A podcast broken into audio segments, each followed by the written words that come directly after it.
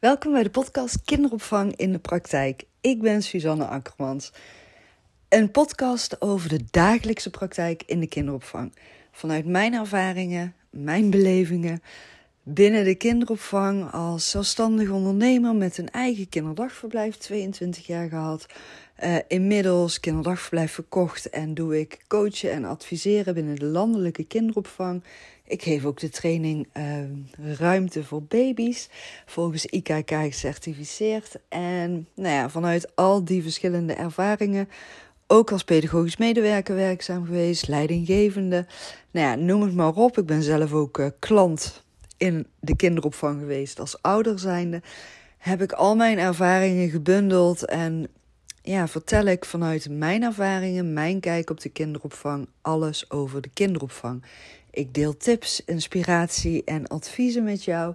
En vooral hoop ik je te inspireren om nog meer aandacht te besteden aan die dagelijkse praktijk. En daarmee bedoel ik, hoe kan je nou op de meest efficiënte wijze pedagogisch handelen ten aanzien van de kinderen in de groepen zodat het de kinderen in hun eigen ontwikkelingstempo en hun eigen ontwikkelingsfases ten goede komt vanuit rust en plezier. Daar gaan deze podcastafleveringen over. Ik wens je onwijs veel luisterplezier. Hey, leuk dat je weer luistert naar deze podcast. Um, ja, vandaag uh, wil ik uh, het met jou gaan hebben over uh, pedagogische adviezen geven aan ouders. Uh, daar krijg ik ook best wel wat vragen over. En ja, eigenlijk niet alleen maar pedagogische adviezen geven aan ouders, maar ook aan pedagogisch medewerkers. Vanuit jouw coachende rol, uh, misschien leidinggevende rol, ondernemer in de kinderopvang. Hoe kan je daar nou mee omgaan? Want uh, soms kan het voor pedagogisch medewerkers best wel lastig zijn om adviezen aan ouders mee te gaan geven. Wanneer mag je adviezen gaan geven? En op wat voor manier kan je dat dan het beste gaan doen? Uh, en omdat ik daar toch best wel vaak wat vragen over uh, mag ontvangen, dacht ik, ja, volgens mij heb ik het hier nog geen één keer eerder over gehad in de podcast. Dus bij deze vandaag. Um, wat ik sowieso het allerbelangrijkste vind, en ik ga gewoon maar meteen met de deur in huis vallen nu. Uh, geen intro-verhaaltje of weet ik het waar, we gaan gewoon meteen hoppatee, door, straight to the point. Um, ja, als ouders dus bijvoorbeeld. Ik kreeg laatst de vraag gesteld: Gossuus, uh, wat zou jij doen als ouders niet met hun kindje naar de huisarts willen gaan? En uh, ja, wij hebben toch echt het vermoeden dat het kindje een voedselallergie heeft. Ja, en die ouders die blijven gewoon de voeding geven die ze uh, geven. En uh, ze staan niet open voor adviezen. Ze willen ook niet naar de huisarts gaan. En ja, de kindjes huilen veel, spugen veel. Wat doe je dan? Nou, als die vraag aan mij gesteld wordt, begin ik altijd standaard met eerst vragen te stellen. En ik weet het, soms ben ik daar heel irritant in. Want pedagogische medewerkers kijken mij dan ook echt aan van ja, maar ik wil gewoon antwoord op mijn vraag hebben. Ik zit niet te wachten op nog meer vragen van jou. Maar voordat ik dan een advies kan gaan geven, zal ik eerst zelf meer helder moeten hebben wat er is gezegd, wat is er gedaan, hoe gaat het met de kindjes. Ik moet een helder beeld kunnen vormen voordat ik een goed advies kan meegeven aan pedagogisch medewerkers. Dus ik start dan met vragen stellen. Wat heb je tegen ouders gezegd? Op welke manier heb je tegen ouders gezegd? Hoe oud is het kindje? Welke voeding krijgt het kindje? Wat is vaak spugen? Uh, waar heeft het kindje last van? Welke symptomen heb je waargenomen? Um, is het ook echt zo dat ouders niet naar de huisarts toe willen gaan? Uh, hoe ervaren ouders thuis hun kindje? En dat zijn allemaal belangrijke vragen om te gaan stellen. Want misschien herkennen ouders de problemen niet die jullie wel op het kinderdagverblijf herkennen. Misschien voelen ouders zich aangevallen van ik doe het niet goed. Misschien voelen ouders zichzelf heel erg onzeker dus ook. Misschien weten ouders ook niet waar ze op moeten letten. Ouders weten soms ook niet wat wel of niet normaal is. Um, vaak vraag ik dan ook: is het een eerste of een volgend kindje? Dat is ook al heel bepalend in hoe ouders vaak ook omgaan met adviezen en signaleren van hoe het met hun kindje gaat. Ehm, nou ja, afhankelijk van alle antwoorden die ik ontvang, ehm, ga ik vaak ook als eerste adviseren: ga investeren in de vertrouwensband die je hebt met ouders. Zorg ervoor dat ouders ook echt ehm, ja, zichzelf gehoord, gezien en begrepen voelen. En ehm, dat ze ook kennis kunnen maken met jou als pedagogisch medewerker, maar ook kunnen ontdekken uh, wat jouw expertise is. Want heel vaak is het natuurlijk ook zo dat ouders het gevoel hebben van ja, wij moeten echt afgaan op de adviezen vanuit het consultatiebureau. Die zijn bepalend en niet de adviezen van de pedagogisch medewerkers. Ehm, het kan zelfs zo zijn dat huisartsen adviezen van pedagogisch medewerkers wegwuiven. Dus het is heel erg belangrijk dat je ook uh, ouders daarin op weg helpt. Van luister, weet je, um, wij signaleren dit. Let er ook op dat je nooit diagnoses gaat uitspreken, want die bevoegdheid die hebben pedagogisch medewerkers niet. Dus zorg ervoor dat je altijd praat in de vorm van wij signaleren dit, dit en dit.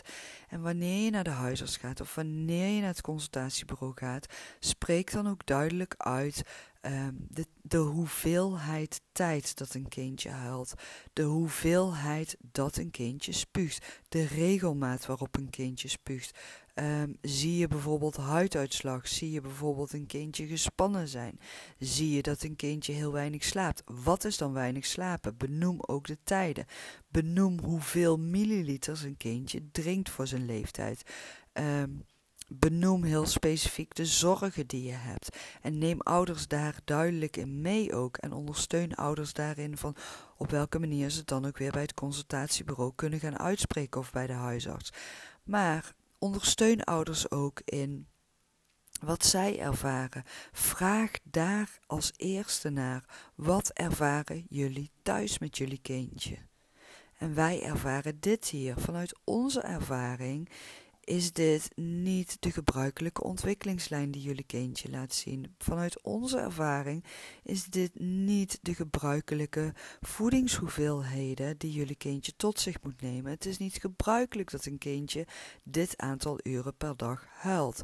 Dit zijn wij gaan doen om jullie kindje rust te gaan bieden. Uh, wat doen jullie thuis om jullie kindje rust te gaan bieden? Um, Weet je, wij snappen dat het gewoon een zoektocht is. Hoe ervaar je het thuis met je kindje? En je hoeft jezelf daar niet voor te schamen. Je hoeft jezelf niet onzeker te voelen. Uh, deel eigen ervaringen als je zelf al moeder bent. Van goh, ik heb het zelf ook echt als een mega zoektocht ervaren. Of deel je eigen ervaringen van dat je net gediplomeerd was en bent gaan werken in de kinderopvang.